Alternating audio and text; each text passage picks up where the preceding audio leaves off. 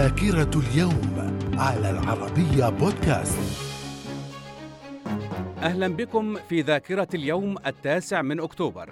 في عام 1760 الإمبراطورية الروسية تستولي على مدينة برلين إبان حرب السنوات السبع. في عام 1806 بروسيا تعلن الحرب على فرنسا.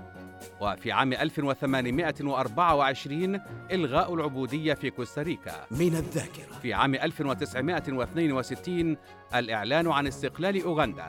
في عام 1967 إعدام الثائر الأرجنتيني تشي جيفارا في بوليفيا.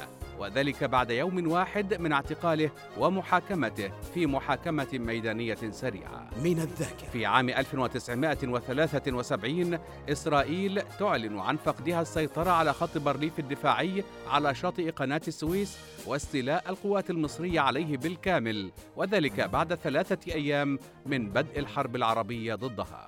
في عام 2009 منح جائزة نوبل للسلام لرئيس الولايات المتحدة باراك أوباما. وذلك نظير مجهوداته في تقوية الدبلوماسية الدولية والتعاون بين الشعوب. من الذاكرة. في عام 2011 وقوع أحداث ماسبيرو في العاصمة المصرية القاهرة والتي أدت لسقوط 27 قتيلا.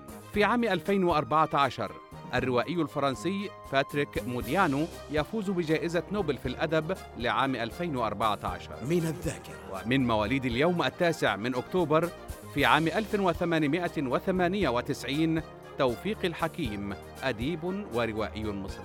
في عام 1953 توني شلهوب ممثل أمريكي من أصل لبناني.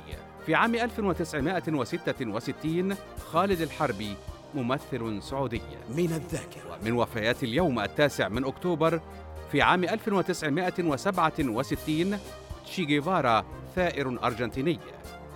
في مثل هذا اليوم من كل عام يحتفل بعيد الاستقلال في أوغندا. إلى اللقاء. thank you